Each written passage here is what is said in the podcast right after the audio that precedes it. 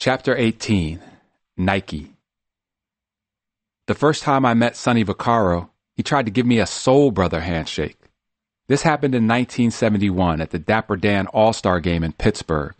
Sonny was a school teacher and basketball promoter before he started the Dapper Dan, which became the first big time game for the best high school players in the country. I took Donald Washington there when I was coaching at St. Anthony's, and this short white man with an afro tried to grab my hand by the thumb the way young black people greeted each other in those days. I always resented when white people tried to shake my hand that way to show they were sympathetic to black folks. I told Sonny, you better cut that out. If you try that with the wrong person, you might get your hand cut off. The sum total of black people is not a handshake. Sonny laughed it off and was not bothered by my comment, which I found interesting. As I observed him, I noticed he really cared about the kids Dozens of college and NBA coaches were hanging around, but I saw Sonny more concerned with making sure the players had enough to eat or the right size shoes. The more I got to know Sonny, the more I liked him, especially after the NCAA started trying to crack down on him. Our relationship kept developing after I began coaching at Georgetown. In 1977, Sonny thought he'd invented a basketball shoe and took it out to a new company in Oregon called Nike. The Nike guys laughed at his shoe but hired Sonny to sign college basketball coaches to endorsement deals. That's when Sonny called me. Georgetown had a deal with Converse at the time, the same lousy deal that was in place before I arrived. We paid for our shoes, clothing, socks, everything. Maybe we got a bit of a markdown on the retail price or some free wristbands now and then. I didn't personally receive a penny. Converse had a major presence in basketball then, especially in the NBA because of their deal with Julius Erving. Adidas had Kareem Abdul Jabbar, plus many of the top college programs, including Dean Smith and North Carolina. The main way sneaker companies paid college coaches was for speaking at camps or clinics. The fees were peanuts, about 50 or $100. It reminded me of the jelly beans I got for giving speeches back at Providence. Sonny flew me out to Portland to introduce me to Nike CEO Phil Knight and his deputy Rob Strasser. Phil was quiet and did a lot of listening. He had started his company in 1962 by distributing the Japanese shoe brand Tiger in the United States. In 1972, the year I started at Georgetown, Phil launched his own Nike brand. When we met in 1977, Phil had not yet taken Nike public. The company was surviving month to month on Japanese loans and shuffling money from one account to another. This was the trip when we met in a hotel suite with clothing hanging on racks. I specifically recall Rob saying that they did not believe in advertising. Phil thought ads didn't help sales and that the quality of his product should speak for itself. I later found out it was convenient for Phil not to believe in advertising because he didn't have enough money to pay for it. I don't remember how much they offered me, but it couldn't have been much more than $5,000 per year plus free shoes. When I told Frank Rienzo, he said it was not a problem for me to get paid as long as Georgetown got something out of the deal too. It didn't take me long to decide to sign with Nike. I liked Sonny. Georgetown would save money and get free shoes. Nike was more of a track and field company at that time, almost an afterthought in basketball, and you know how I like underdogs. Phil had run track at Oregon, and the school's defining athlete was Steve Prefontaine, a distance runner who had died young in a car crash. The way Phil talked about Prefontaine reminded me of how I felt about Elgin Baylor. Sonny sensed the growing influence of basketball, which was not obvious in 1977. The NCAA tournament was only 32 teams. The NBA Finals aired on tape delay. Outside the inner city, almost nobody wore sneakers for fashion. Sonny's genius was to embrace the black element of the game and to recognize that black kids set trends for what is cool throughout America. That's what Sonny's handshake was all about. When I told Dean Smith about my move, he was surprised. I think he saw Nike like that sport coat with no lining I used to wear. Not in a mean way, but as an accurate observation, because Adidas was first class. Later, after Nike became dominant, I got the idea that Dean wanted to come over with us. We never discussed it, but in my mind it made me laugh. The first time Phil came to see me in Washington, we went to a restaurant for lunch. This is when I really learned that Phil is not a loquacious person. He did a lot of listening again and took notes. That made an impression on me because he was not one of those white people who were only comfortable in a teaching position with black people. I listened to Phil too and started to understand his offbeat way of looking at the world. His viewpoint was different from mine, but we both enjoyed going against the mainstream. Phil had to fight and claw like hell to get Nike going, and his company had a rebellious nature.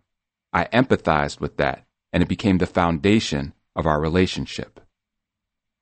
I was one of 80 coaches Nike signed in 1977. They did a good job of sending people to Georgetown's campus for feedback on their products. They sent us shoes before they came on the market and asked players what they liked or disliked about them. Phil learned that strategy from when his college track coach, Bill Bowerman, experimented with shoes on his athletes. And Phil was not so arrogant as to force things on you. I recall telling Nike they should put the name on the bottom of the sneaker because the players are always getting photographed in the air or falling down on TV and we see the soles of their shoes. I don't know whether that was the reason Nike started doing it, but I did bring it up. Nike went public in 1980, and I was lucky enough to be in on the ground floor.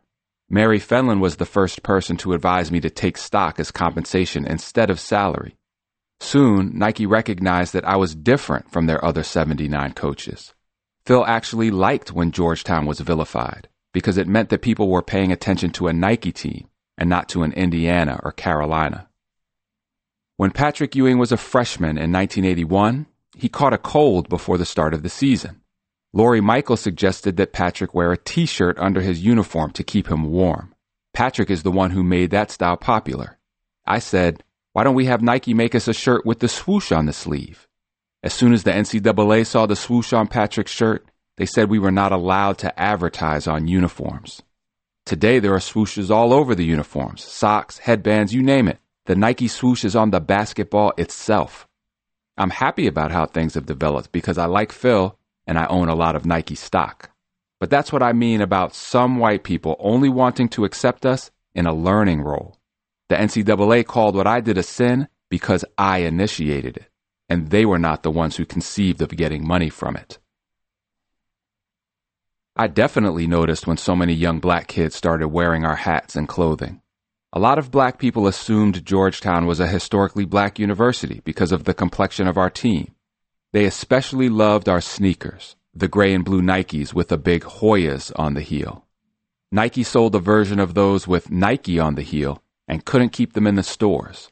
Phil's people kept an exact count of how many sneakers were being sold every day, and when my team really got rolling in 1983, the sales shot up.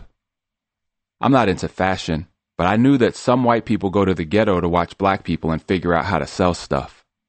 What I did not realize in the early 1980s was that young black and Hispanic kids were creating a whole new culture called hip hop, and that the sneakers were a huge part of it. I heard kids rapping, of course, and I saw the change in the way my players dressed, but I had no idea this new hip hop culture would take over the world. These days, it's nothing for someone to own 20 or even 50 pairs of sneakers, and the real collectors own hundreds. This is a big reason why Nike now does almost $40 billion in sales per year. Businessmen wear sneakers with their suits. That seed was planted in the 1980s by young black kids, and one reason they love Nikes is because of Georgetown basketball.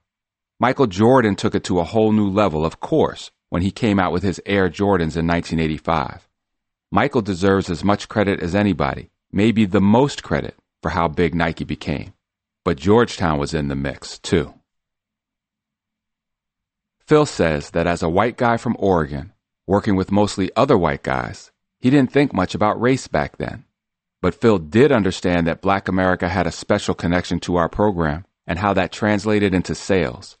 Phil understood what I told Morgan Wooten where you come to get players, I live. By the time Patrick got to Georgetown, Nike was paying me a lot more than $5,000 per year. After I won the national championship, I made it clear that I didn't want any coach to be paid more than me, not even $1 more. Phil invited me to lunch one day and ripped up my contract then gave me a new deal because another one of his coaches had surpassed my salary. He didn't have to do that because my contract was a few years away from expiring, but Phil was a man of his word.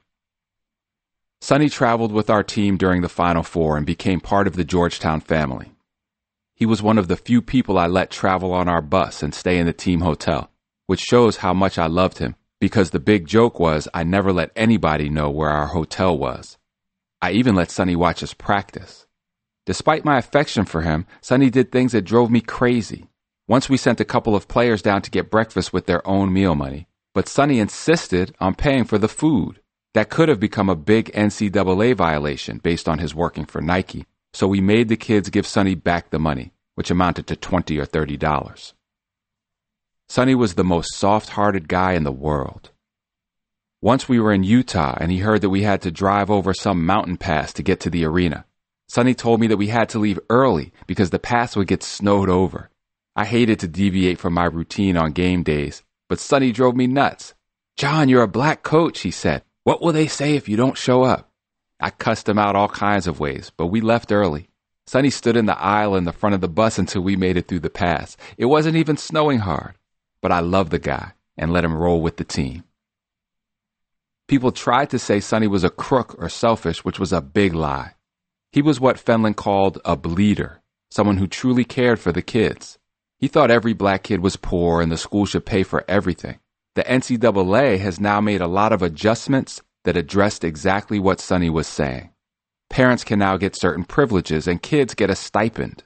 Many of the rules the NCAA has now, Sonny proposed first. The 1985 Final Four was big for Nike because they had all four teams us, Villanova, St. John's, and Memphis State. Sonny and Phil attended the games together. Before the championship game, Sonny warned Phil not to root openly for Georgetown because the TV cameras might catch it, and that could cause problems for Nike's relationship with other programs. Phil bit his lip through the whole game to keep his emotions in check. After we lost to Villanova, Phil turned to look at Sonny, and tears were streaming down Sonny's cheeks. By now, Phil was changing his mind about advertising. He put up a huge Nike billboard in Washington to advertise the fact that Georgetown was a Nike team. Well, Lefty Driesell over at Maryland was with Nike too. Lefty told Sonny he was upset that we had a billboard and he didn't. So Phil put an ad on a bus stop by Lefty's house. Things had changed from when Maryland used to kill us every year. As we all know, Nike quickly became as innovative with its advertising as with its products, which created a mystique around the company that set us apart. A lot of that connects back to Michael Jordan, although Nike promoted other black athletes as well. One of the things I respect the most about Phil is that he was not afraid to advertise Michael and other black athletes in abundance. That was extremely unusual in the 1980s. As phenomenal a player as Dr. J was, Converse did not put him in a lot of commercials. At that time, black people were mostly confined to ads for products that were targeted at other blacks, though sometimes there was a sprinkle of token blacks in ads for the general population. Phil broke that mold first with Michael, then with other athletes. The important thing is that he did it in abundance, which made it safe for companies outside the world of sports to do the same thing. Other companies may have wanted to do it, Phil had the balls to actually do it. Michael's charisma and basketball greatness were special, but don't think for a second that every company would have featured him so prominently. Phil's promotion of Michael also had a trickle down effect like when Nike brought in Spike Lee to direct and co star in some of Michael's commercials. Today we see ordinary black people in ads for insurance, soap, cereal, or whatever else, and there's no special reason for us to be there. We don't have to be as great as Michael Jordan to be in a commercial. We can just be ourselves. Phil deserves a good deal of credit for that. In the summer of 1990, the Reverend Jesse Jackson and his civil rights organization Operation Push came after Nike. Today's young people may not know how famous and influential Jesse was at that point in history, but he had real power. Jesse started saying publicly that Nike did not use any black banks, had no black people as vice presidents or on its board of directors, and used no black advertising agencies. Jesse observed that black people were responsible for a lot of Nike's success, from Georgetown to Michael Jordan to all the black kids who paid big money for Nike sneakers. All of this was true. I understood and respected what Jesse was doing. He was a brilliant person. Nike was not the only big company Jesse targeted. He had studied the white man and was attacking his system by confronting the most well known and successful businesses. Nike had about $2 billion in annual sales by then. I also knew that although Jesse's accusations were true, they were also untrue. The situation for black people at Nike was improving. Few people knew that Phil was already considering me for a position on the board of directors, and I had attended the previous board meeting as a consultant. Nike's progress may not have been apparent to those outside the company, or it may not have been happening as fast as Jesse thought it should happen. Phil was like a newer version of Red Auerbach, who did more to help black players than any other coach, but still had to operate under the quota system. Phil went as far as he could, given the obstacles of that time. He had to dance to the music that was being played. Jesse and I were philosophically aligned, but I did not agree with his approach as it applied to Phil and to Nike. That's why I defended Nike in good conscience. Nike opened talks with Operation Push about Jesse's demands. Some other companies had immediately given Jesse what he wanted, but Nike noticed that Push was negotiating with Reebok at the same time, and Nike resisted. That's when Push called for a nationwide boycott of Nike products. Nike announced that it would put a minority person on the board of directors promote more minorities as department heads within a year, and name a minority vice president within two years. That wasn't enough for Operation Push, and the boycott continued. I had been advising Phil throughout the process, but now it was time to get more deeply involved. I arranged for Phil and Jesse to meet in my Georgetown office. When Jesse arrived outside McDonough, he had somebody with him who burned a Nike shoe in front of our gym. Phil and I were watching. I became more convinced that even though I understood the bigger picture of what Jesse was trying to do, I thought there were other avenues he could have taken to do it. Phil tapped me on the arm and pointed at Jesse's feet. Jesse had on some nice dress shoes. Hey, John, look, Jesse is wearing Cole Haans, Phil said. He doesn't know? I own that company too. When Jesse and Phil came into my office, I was sitting behind my desk with a baseball bat on top of it. The bat was an attempt to lighten the mood. We're going to bring you two guys together, I said. It didn't happen. Jesse demanded that Phil buy ads in black magazines and spend money with certain companies. I was not knowledgeable about Nike's advertising policies then, because rightly or wrongly, I was focused on trying to win games. I had Alonzo and Dikembe and was trying to get back to the Final Four. This Nike boycott was part of my never having the luxury to just be a basketball coach. At one point, Phil told Jesse, John Thompson isn't our best black coach. He's our best coach, period. Phil was saying that he would not pander by promoting a black token. He would promote a qualified black person because he understood what had happened in the past. When people complain about affirmative action, I respond that there's nothing more unequal than the equal treatment of unequals. If we run a 100 yard dash and I'm at the starting line, will you begin at the 50 and they want to measure who finishes first, that's the equal treatment of unequals. I did not believe in that, and neither did Phil. I did not want Phil to be publicly vilified by Jesse. I also respected the greater good of Jesse's mission, the message he wanted to send to corporate America in general.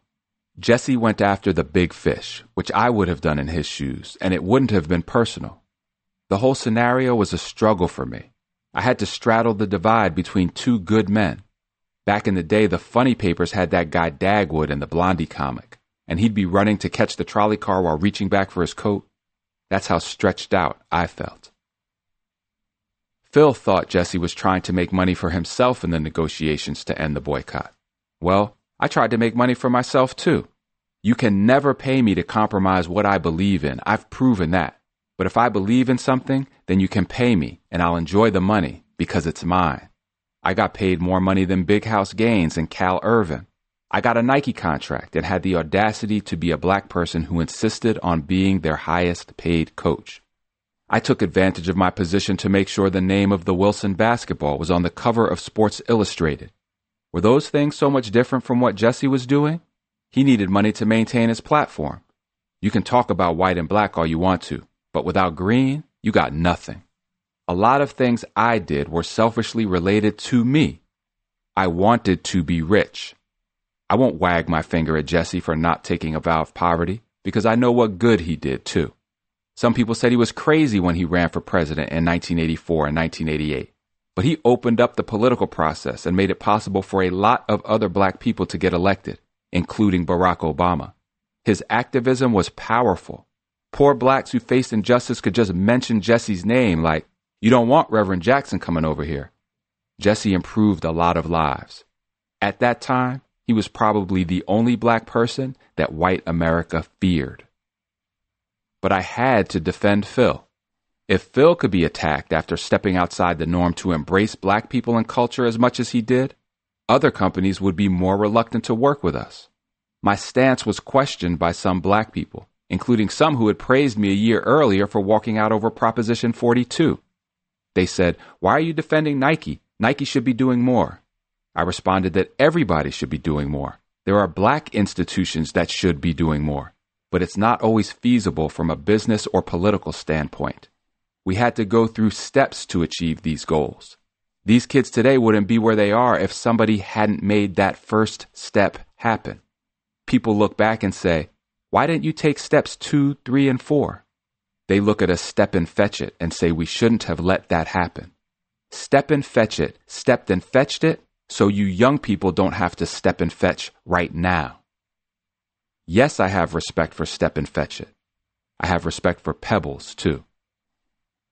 Phil and Jesse left my office without coming to any resolution. The boycott continued. Jesse was quoted as saying some things about me and Michael Jordan in the newspapers, like calling us shoe salesmen who seem more interested in making money than fighting for equal opportunity. None of that bothered me, and I couldn't be sure Jesse really said it. Either way, I wasn't going to let the media goad us into attacking each other. Black people always pursued progress on different paths, which sometimes led to their calling each other names or acting like enemies. That even happened with Martin Luther King and Malcolm X. Jesse and I pursued the same goal. But let's be clear about one thing. Black people were not about to stop buying Nikes, nor should they have. Phil, Michael, and I knew that. Jesse probably did too. Jesse was pushing. I think the boycott helped us because Nike sales increased more than 50% during that time. Meanwhile, Operation Push ran so low on funds it laid off all 12 of its employees. Jesse had very little leverage. When Phil told me he wasn't getting anywhere in the negotiations with Jesse, I replied that he was thinking too much like a white man. I suggested that Michael and I meet with Jesse alone. We needed to have the type of candid conversation that black people have amongst ourselves. We needed to talk the way we talk. I set up the meeting, and we gathered in Sonny Vaccaro's hotel suite in New York City. Spike Lee was also there. Sonny was the only white guy in the room. Think about the kind of respect Sonny had to be accepted by us in that setting. We didn't make any agreements in the meeting, but we weren't at each other's throats either. We dealt with one another on a personal basis, totally different from what our relationship appeared to be in some of the media. Everybody in that room shared the same goal, but many roads lead to Rome. Sometimes our people want us all to take the same road. Michael had his own road, and he cared deeply about black equality, even though there is a perception otherwise based on that joke he made about Republicans buying sneakers too. I know from personally dealing with him that he has done amazing things behind the scenes to help black people, to give them jobs and create opportunities. Michael did a lot more to lift up our people than some others who are praised for being champions of black progress. We had some laughs in the meeting, like when I told Jesse, You're fucking with my money now. I could say that because he knew I respected him.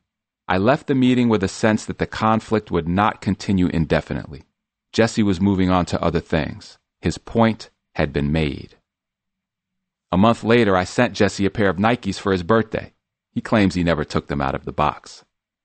Operation Push didn't announce an end to the boycott, but in the spring of 1991, Jesse stopped talking about it, and it fizzled out. That March, Phil put me on Nike's board of directors. My getting on the Nike board was similar to how I got the job at Georgetown. Even though I was well qualified, it would be naive to say my blackness was not a major factor. But I also had to be successful. White people who are not successful are still offered opportunities. As Gandhi said, we won't be truly free until we have the freedom to make mistakes. Phil cared about diversity and was moving to improve his company in that area. Maybe what Jesse did influenced Phil to move faster, but not because he was afraid. It influenced Phil based on what was right or wrong. A lot of what Jesse said was right. If Jesse did play a role in my getting a board seat with Nike, I'm not apologetic about that. I'm grateful to him and all the other black people, famous or not, who helped create that opportunity. They made sacrifices to open that door for me. Once the door was open, I could handle the rest.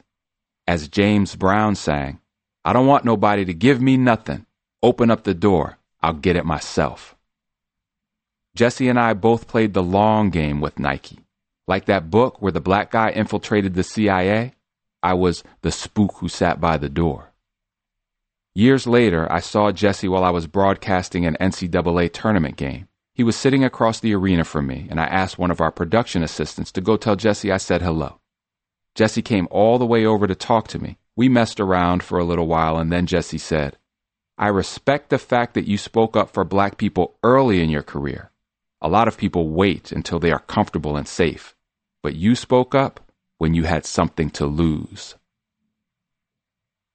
A few people on the Nike board questioned Phil's plan to bring me in. Phil said they thought I would be a disruptive force. But Phil told the board to trust him and pushed my selection through. Years later, board member Tim Cook, the CEO of Apple, pulled Phil aside and told him, John Thompson is much more than a basketball coach.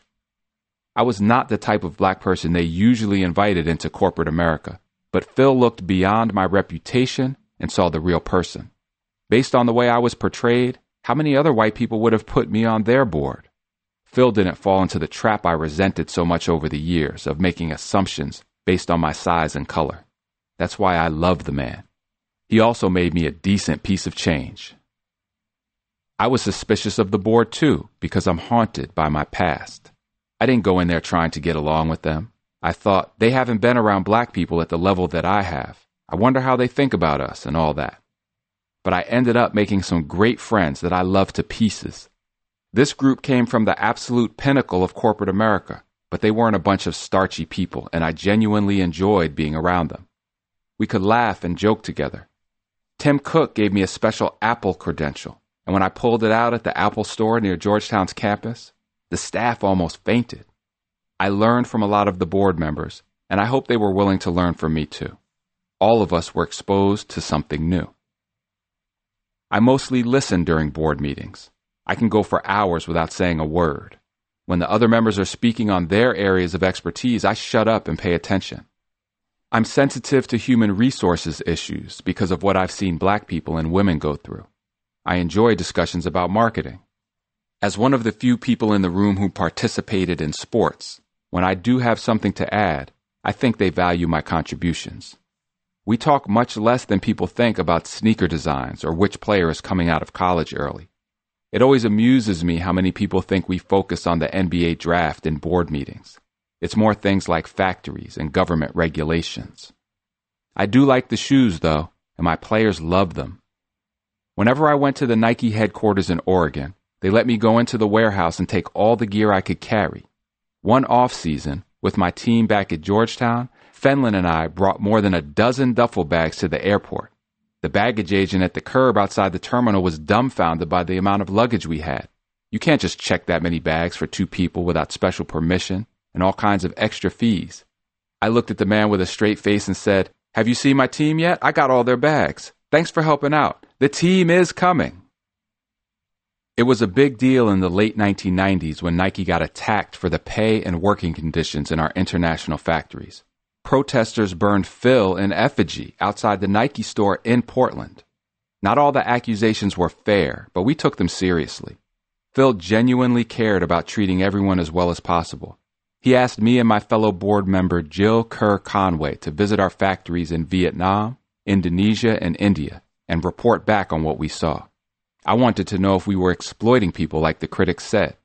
I took George Raveling and Fenlon along because I trusted their discernment and opinions. Most Nike products are made in factories owned by foreign companies, and these factories make products for other American companies besides Nike. We still have an obligation, though, to make sure our subcontractors treat their workers fairly. When we went on the factory tour, we knew they would clean up and make everything look good for us. That's what I did when I worked for 4 H and the agriculture department people who funded our program came around. But there were still useful things that Jill, George, Fenlon, and I could observe. As soon as we came through the factory doors, we split up and headed in opposite directions. We talked to workers and their bosses and looked through the dormitories where women workers lived.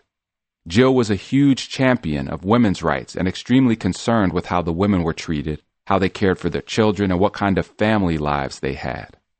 I saw a suggestion box on one wall and looked inside. It was empty, which made me laugh, because even the best companies in the world have employees who complain.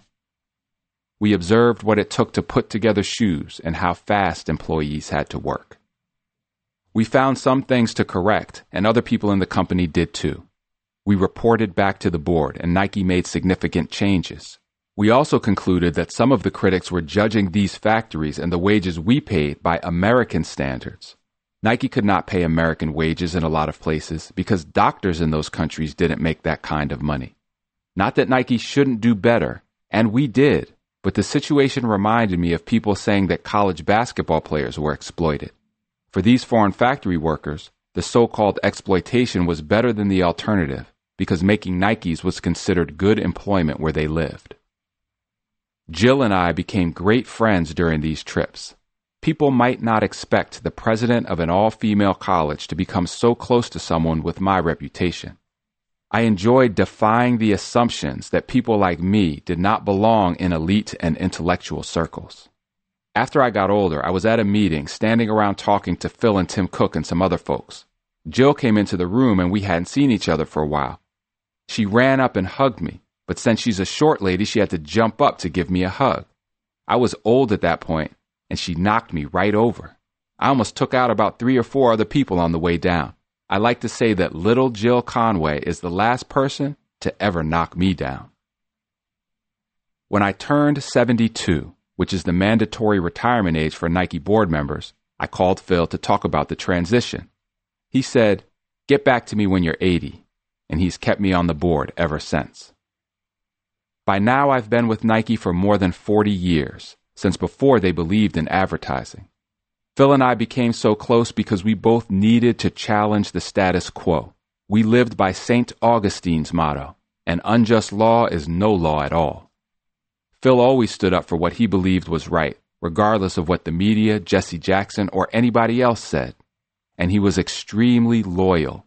Phil could have abandoned me when people said I was a racist and a bully. When I walked out over Proposition 42, Phil asked what kind of support I needed. He stuck by Tiger Woods and other athletes who got in trouble. After Colin Kaepernick got blackballed from the NFL for protesting during the national anthem, Phil signed him to a new endorsement deal and put out a commercial supporting him. I privately thought, uh oh, what's that going to do to my stock?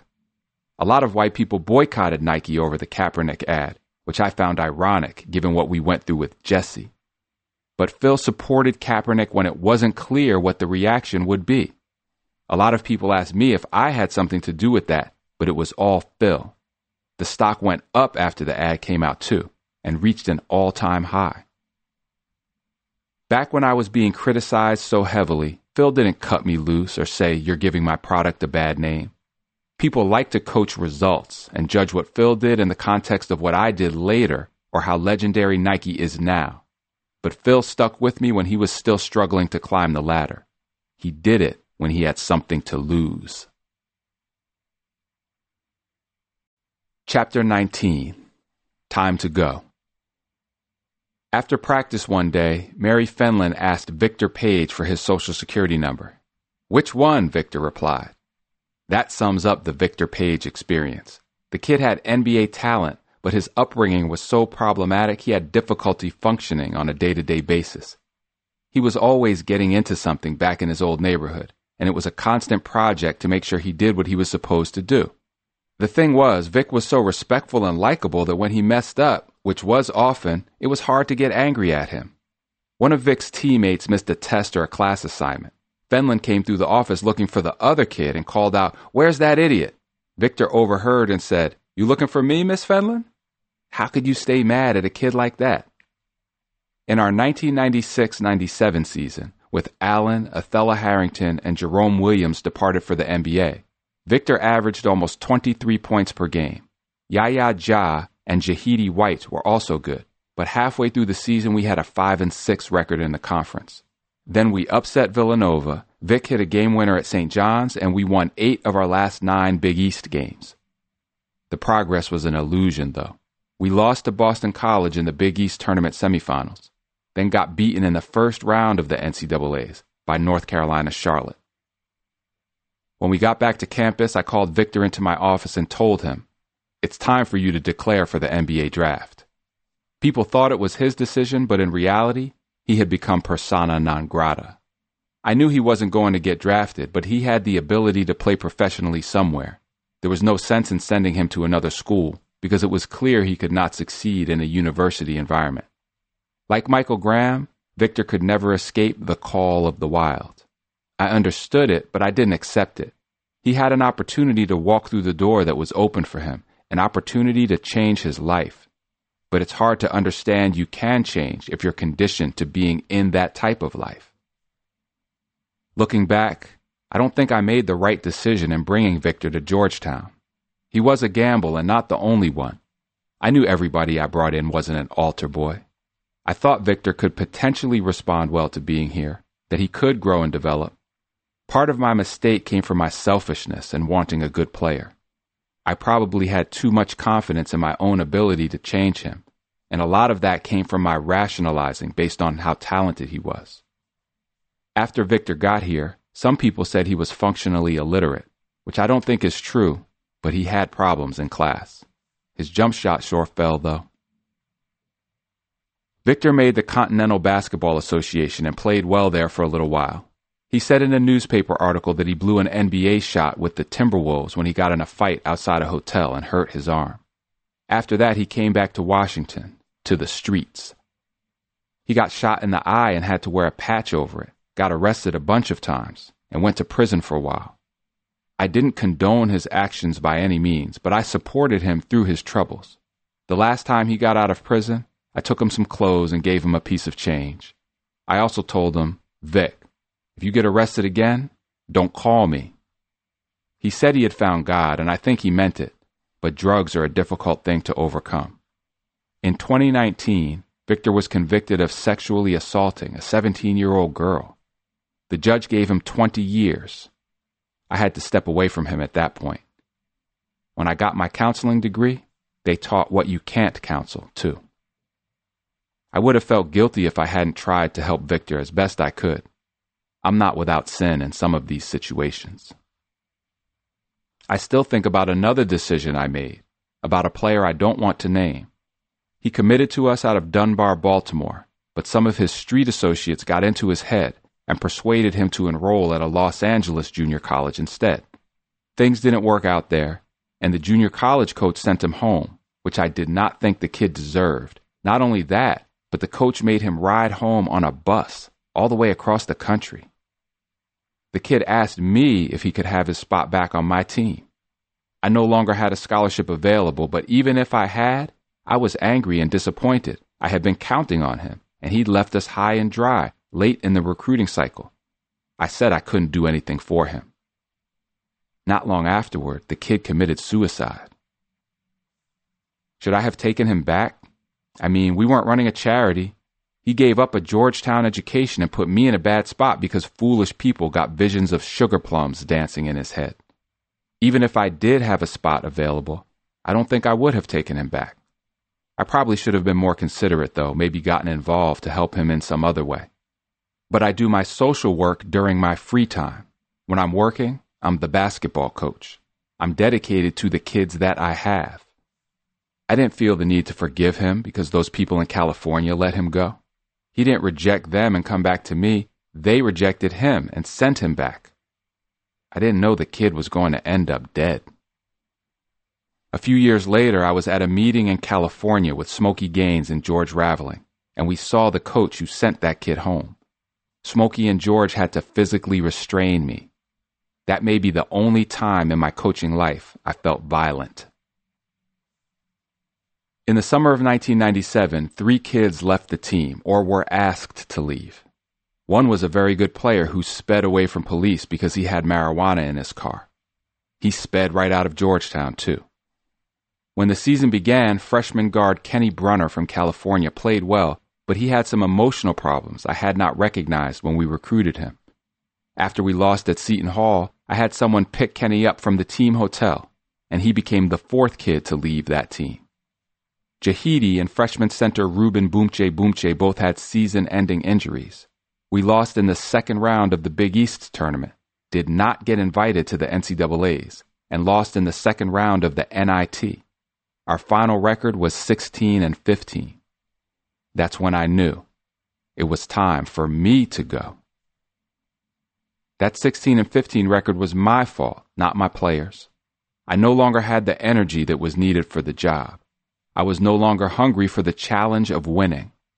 I was no longer capable of the huge personal investment it took to do things the way they should be done.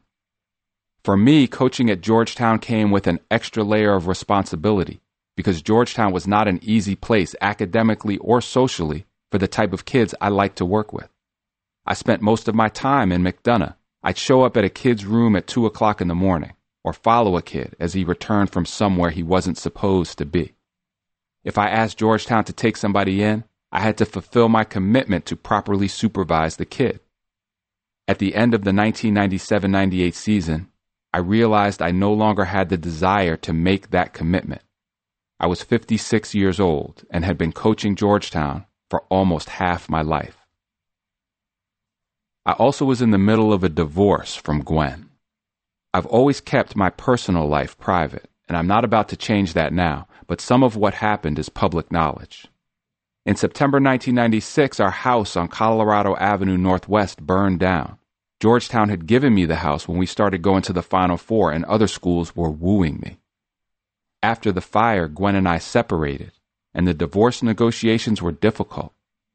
Court filings, dealing with lawyers, arguing back and forth, all that was almost worse than the pain of the breakup itself. It was stressful, as it should have been, especially since I still cared about Gwen. I felt that I owed it to my family to focus on resolving this problem. Back in 1972, when Georgetown offered me the head coaching job, I asked Gwen for her opinion. You should take the job, you will do it well, Gwen said. But what will it do to our relationship? She was 100% right about that. She got caught smack in the middle. That said, no single thing told me it was time to stop coaching. I made the decision the same way I decided not to play pro ball anymore. I didn't have a master plan. One thing I did know was not to resign during the off season. I wanted to choose my replacement. When Dean Smith retired, he did it during the season, and as a result, he chose his assistant Bill Guthridge to succeed him. I decided to take the same course, so even though I knew I was about to step down, in the fall of 1998, I began my 27th season as Georgetown's head coach. I probably was not as grouchy or demanding as I had been in the past. I didn't consciously ease up, but due to human nature, that happens. We opened the season against John Chaney's seventh ranked Temple team in Madison Square Garden and lost 65 to 49. Right after New Year's, I started informing my closest friends of my decision. On January 2nd, 1999, we got blown out at Connecticut, who would go on to win the national championship that year. The following Monday, we lost at Seton Hall 72 to 61 in the last game I ever coached. We returned to Washington that night. In the morning, I drove to Craig Esherick's house and told him he was taking my place. I shared my decision with my team and shed tears in the process. I spoke with all the other people who needed to know. Some of them tried to talk me out of it. Some were worried about my well being. Some urged me just to take a leave of absence and then return to the bench. None of them could change my mind. People told me I should win four more games to reach 600 for my career and then leave. I couldn't care less about winning 600 games. I cared about knocking down a wall that had hindered black people, about defying the structure that had denied us opportunities. I had conquered those things. We called a press conference. Patrick, Alonzo, and Dikembe were there, along with more former players, my three children, and many other people I loved. I explained that I was not retiring because retirement means you don't want to work anymore. I was resigning as head coach. I intended to remain involved with Georgetown and with whichever players needed me. I was not too proud to admit that I also needed my players. We make young people think that responsibility goes only one way, I told the crowd. I'm John Thompson, who is fragile and weak and has to address problems too. It was over. I left with 596 victories, 239 losses, and a 714 winning percentage. 27 of my players were drafted into the NBA, including eight in the first round. Patrick and Allen went number one. Of the 78 players who stayed four years, 76 earned a degree. Some of the ones who left, I failed, but I do not regret refusing to be their master. In the weeks after I resigned, I felt like I was coming down off drugs. As time went on and people asked me if I missed coaching, I said no. That was the biggest lie I ever told. There was an emptiness, a hollowness in my life that took a long time to fill back up. You don't devote that kind of time, energy, and emotion to something and not feel its absence. I missed teasing Patrick. I missed talking to Steve Martin. I missed cussing out Michael Jackson or calling Lonnie Duren a dirty name. I missed the competition. I missed teaching in my classroom, the court. I missed the 70% of things that had nothing to do with basketball. All those things that prevented me, thank God, from having the luxury of just being a coach. I dealt with it. I had always tried to be considerate of what my players were experiencing off the court that affected their ability to play well. I had to think about myself the same way, too. I was not chosen for the Naismith Memorial Basketball Hall of Fame when I first became eligible in 1997. Dean Smith, who was involved with the hall, told me my name never came up for serious consideration. I assumed my reputation was the problem. In 1998, Dave Gavitt called and broke the news that I had been passed over again. This time I was so furious that tears stung my eyes. Coaches I had regularly beaten got inducted on their first try. Mike Krzyzewski called our office and spoke to Fenlon about how wrong he thought it was. I could see only one explanation for why I was denied payback. Enough people on the selection committee didn't like the positions I had taken or the way I challenged people. In other words, they didn't respect what I stood for. My past was haunting me once again. The Hall of Fame finally voted me in a few months after I retired. I think Dean and Dave made it happen in the game behind the game. I always used to say, I don't seek approval from man, I seek approval from God. But even though I didn't care about being validated by others, I did want to be chosen for the Hall of Fame. Both of those things were true. I wanted and needed to be in the Hall. It felt more personal. As I was finally being inducted, the Washington radio station WTEM 980 AM asked me to come on the air during the 1999 NCAA tournament to discuss the games. It was fun and I think people were surprised to hear the human side of the big scary guy who supposedly hated the media. After the tournament ended, the station asked me to host a daily talk show along with former Washington Redskins tight end Doc Walker and the broadcaster Al Koken. I did the show for the next 13 years. Al and Doc were great to work with. I knew Doc from when he covered my team for local TV news in the early 1980s as one of the young black guys I thought were integrating the media through my reputation. I let Doc into practice one day with a cameraman, and the ball bounced off Horace Broadnax's leg during a weave drill. I walked up to Doc and politely asked, Can you turn that camera off, please? Then I went ballistic on Horace, and the rest of the team too, because they had to take the weight together. I cussed them out to such an extent that Doc, who spent his life in football locker rooms, says he got scared. After I made my point, I went back over to Doc and calmly said, Let's continue. And they turned the camera back on. Al's radio nickname was Smokin' Al Koken, but I called him the hanging judge because he went after people with strong criticism. We had some intense debates, especially about Bobby Knight. I had a lot of respect for Bobby because he never cheated, his kids graduated, he had discipline, and I can attest from playing his team that he was one of the best coaches the game has ever seen. Bobby had a bad reputation because he yelled and cursed and coached his kids hard. That sounded familiar to me. During one of our games, before they had the coaching box, I ran down by Indiana's bench to yell at one of my players. On the way back, I turned and said to Bobby, I bet you never got on a kid like that. The point is, there was a method to both our madness, a side the public did not see. I was at a Final Four and saw Bobby in a back room where nobody was watching, feeding an old coach in a wheelchair. Bobby was literally feeding this man with a spoon. People talk about the video of Bobby supposedly choking that kid in practice, but what was the context leading up to that? Did it really happen the way they said it happened? My sisters got mad at me once because I grabbed a player to get him subbed out of the game, and they interpreted it as me yoking the kid. Way more coaches were more detrimental to kids than Bobby ever was. Al Koken didn't like a lot of things that Bobby did. My arguments with Al about Bobby might have sounded serious on the air, but I understood enough about radio to know the audience didn't want to hear two guys agreeing with each other all day. In real life, Al and I became great friends. I sat to his left in the studio, Doc sat to his right, and Al played a traffic cop role. He also did a huge amount of research and preparation on topics for me to talk about on the show.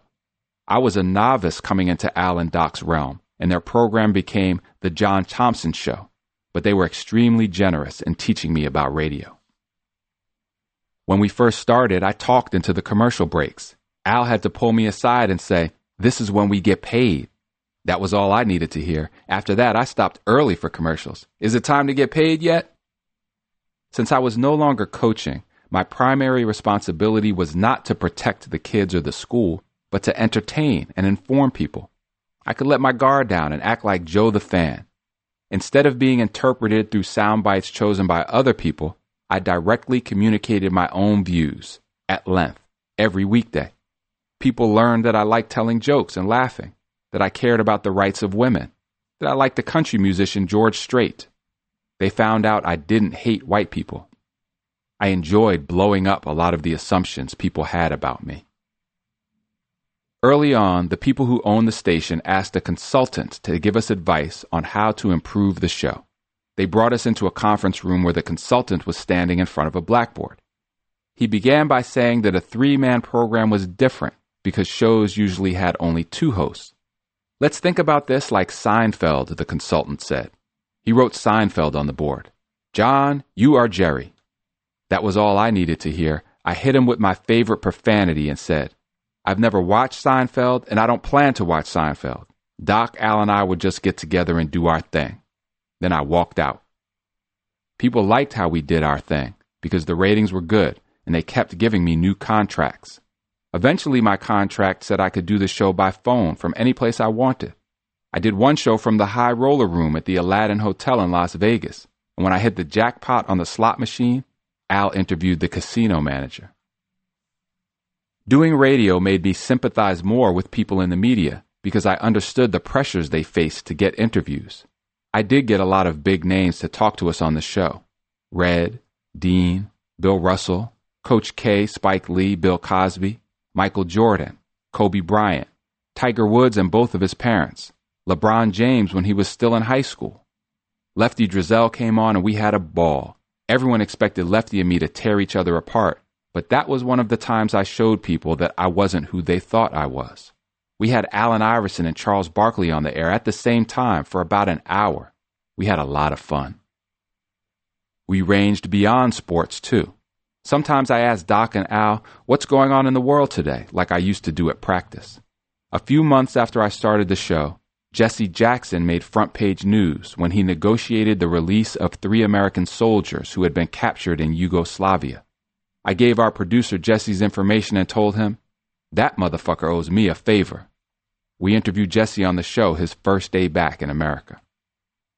Another time I was on the air talking about how some black people look down on those of us who achieve success and accuse us of forgetting where we come from or trying to be like white people.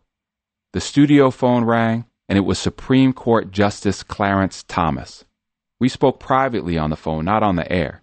He said my comments resonated with his experiences. I respect Clarence Thomas, regardless of the decisions he has made on the court, which some feel have hurt black people. Too many of us don't accept differences in one another. I don't have to agree with somebody to respect him. I hope that at least some of my radio audience felt the same way about me. Mary Fenlon retired from Georgetown and moved to Las Vegas shortly after I stopped coaching. In September 2001, I was planning to fly out to her birthday party when Jim Rome asked me to appear on his show in Los Angeles.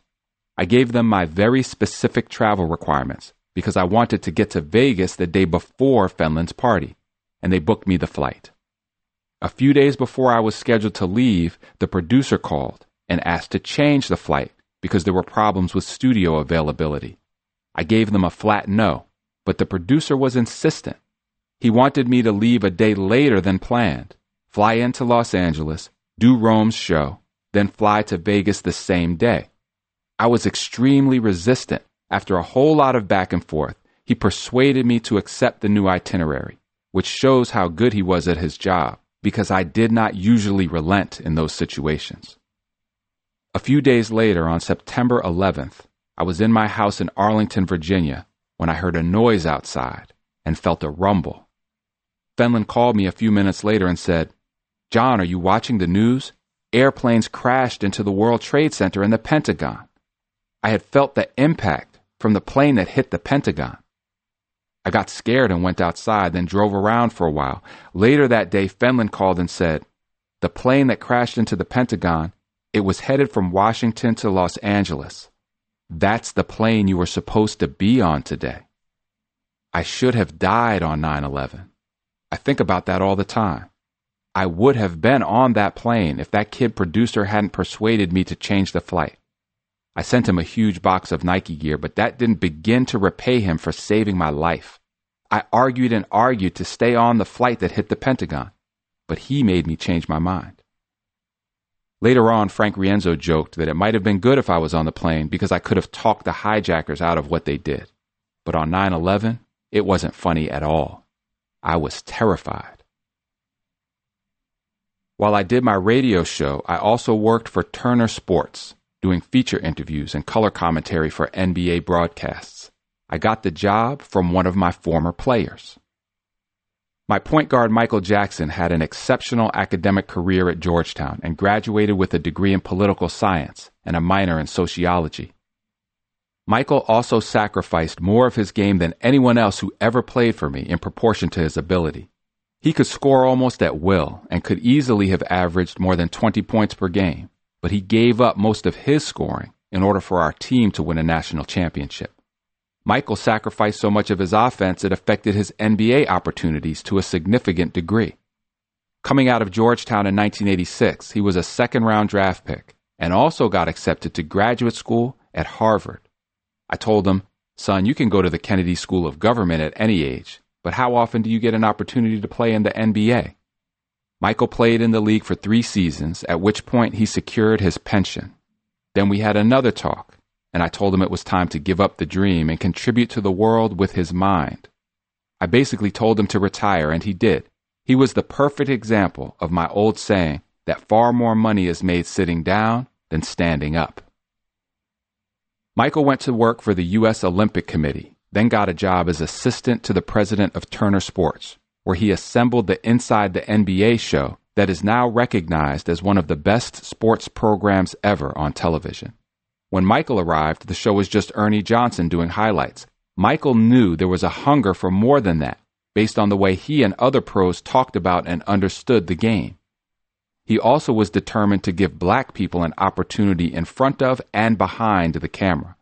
Michael is the one who hired Kenny Smith and Charles Barkley, plus a lot of people you never heard of who make the show happen. There was not an abundance of black people doing NBA television when Michael arrived at Turner. Now it's normal, and Michael helped bring about that change. One day, Michael called me up and said I should come work for Turner as a color commentator. I didn't want to do it. It seemed out of my element. This wasn't like the radio where I did what I had always done in private, which was sit around and shoot the bull with my friends. Becoming a color commentator and interviewer was like being an official member of the media. Michael is the kind of person who had enough gumption to urge me to change my mind. No, coach, you'd be really good. I think you should give it a try. He persuaded me to do it. That is when the pupil became the teacher. Once we got started, I liked it. It was a way for me to stay around basketball. I enjoyed working with guys like Kevin Harlan, Marv Albert, Dick Stockton, Danny Ainge, Craig Sager, and the producers and camera people who did the dirty work. My radio show was local, but this was national. A lot of people didn't realize I was such a talker because of the reputation I had from my public coaching persona. Michael Jackson had experienced me in a different realm. He remembered those long conversations in practice and all the lessons I taught. At Turner, Michael was a few levels above me. He was an outstanding administrator and he supervised the producers who ran my broadcasts. He and I also had conversations that were helpful to me as I found my footing in that business. Kenny Smith was there when I arrived. He always had a brilliant basketball mind. I can't believe that no NBA team has hired him because he has a tremendous amount of knowledge and understanding of the game. Charles Barkley and I got there about the same time. I always liked Charles from when he was a player. I was at an Olympic workout where I saw him get clobbered by someone on the other team. The ref called the foul, and Charles told the ref not to call fouls on the other guy. That was a new one for me. Then, as a commentator, Charles was not afraid to say what needed to be said, regardless of what other people thought about it. Charles did not seek approval from others, which is a quality I appreciate. Michael brought me in to do color commentary, but soon he figured out that I should interview players one on one. That came naturally to me. I had been talking to players all my life, and they were more likely to let their guard down with me than someone who was strictly a reporter. Michael also knew I could obtain interviews that might be difficult for some other media people to get. I got Russ, Wayne Embry, and Oscar Robertson on the same program for a Martin Luther King Day roundtable discussion. When I interviewed Michael Jordan, as soon as he came in the room, he announced to everybody, The only reason I'm here is because John asked me. One of my most memorable interviews was Kevin Garnett. He was playing for the Timberwolves, and his coach Flip Saunders had just been fired. He was the reigning MVP of the league, coming off a trip to the conference finals, but now his team was losing. I knew he was hurting, emotionally and physically.